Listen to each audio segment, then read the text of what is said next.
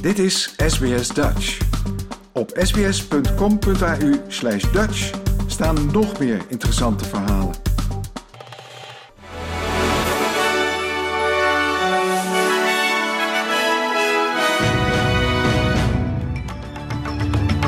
Dit is de SBS Nieuwsflits van woensdag 30 augustus. Mijn naam is Paulien Roesink. Premier Anthony Albanese zal in Adelaide ergens het komende uur de datum bekendmaken waarop het Indigenous Voice to Parliament referendum gehouden gaat worden. De verwachting is dat dat op oktober 14, 14 oktober zal plaatsvinden. Ondertussen heeft voormalig premier John Howard zich uitgesproken tegen The Voice.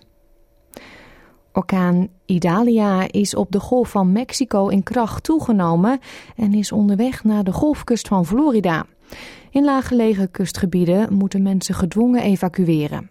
De orkaan bereikt op dit moment windsnelheden van 160 km per uur, maar de verwachting is dat dit oploopt naar 180 km per uur.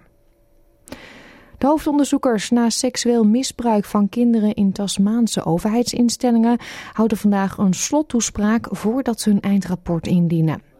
Het onderzoek, waarvoor vorig jaar openbare hoorzittingen gehouden werden, richtte zich op verhalen over misbruik en tekortkomingen van de overheid op het gebied van justitie, onderwijs, gezondheidszorg en zorg buitenshuis.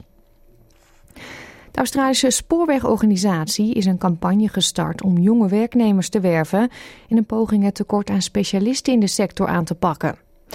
De Work and Rail campagne van de Australasian Railway Association is gericht op pas afgestudeerden. Het onderzoek bleek namelijk dat van alle mensen die in de sector werkzaam zijn, slechts 4% 25 jaar of jonger zijn.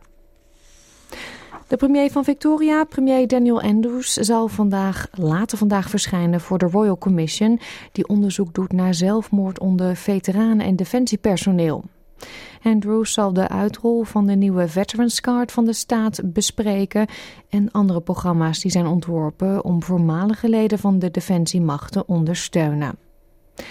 Tot zover deze nieuwsflits. Volg de SBS Dutch podcast voor meer nieuws en achtergronden of bezoek onze website www.sbs.com.au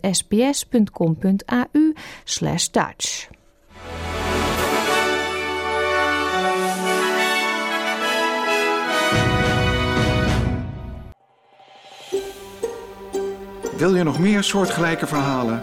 Luister via Apple Podcasts, Google Podcasts, Spotify of waar je je podcasts dan ook vandaan haalt.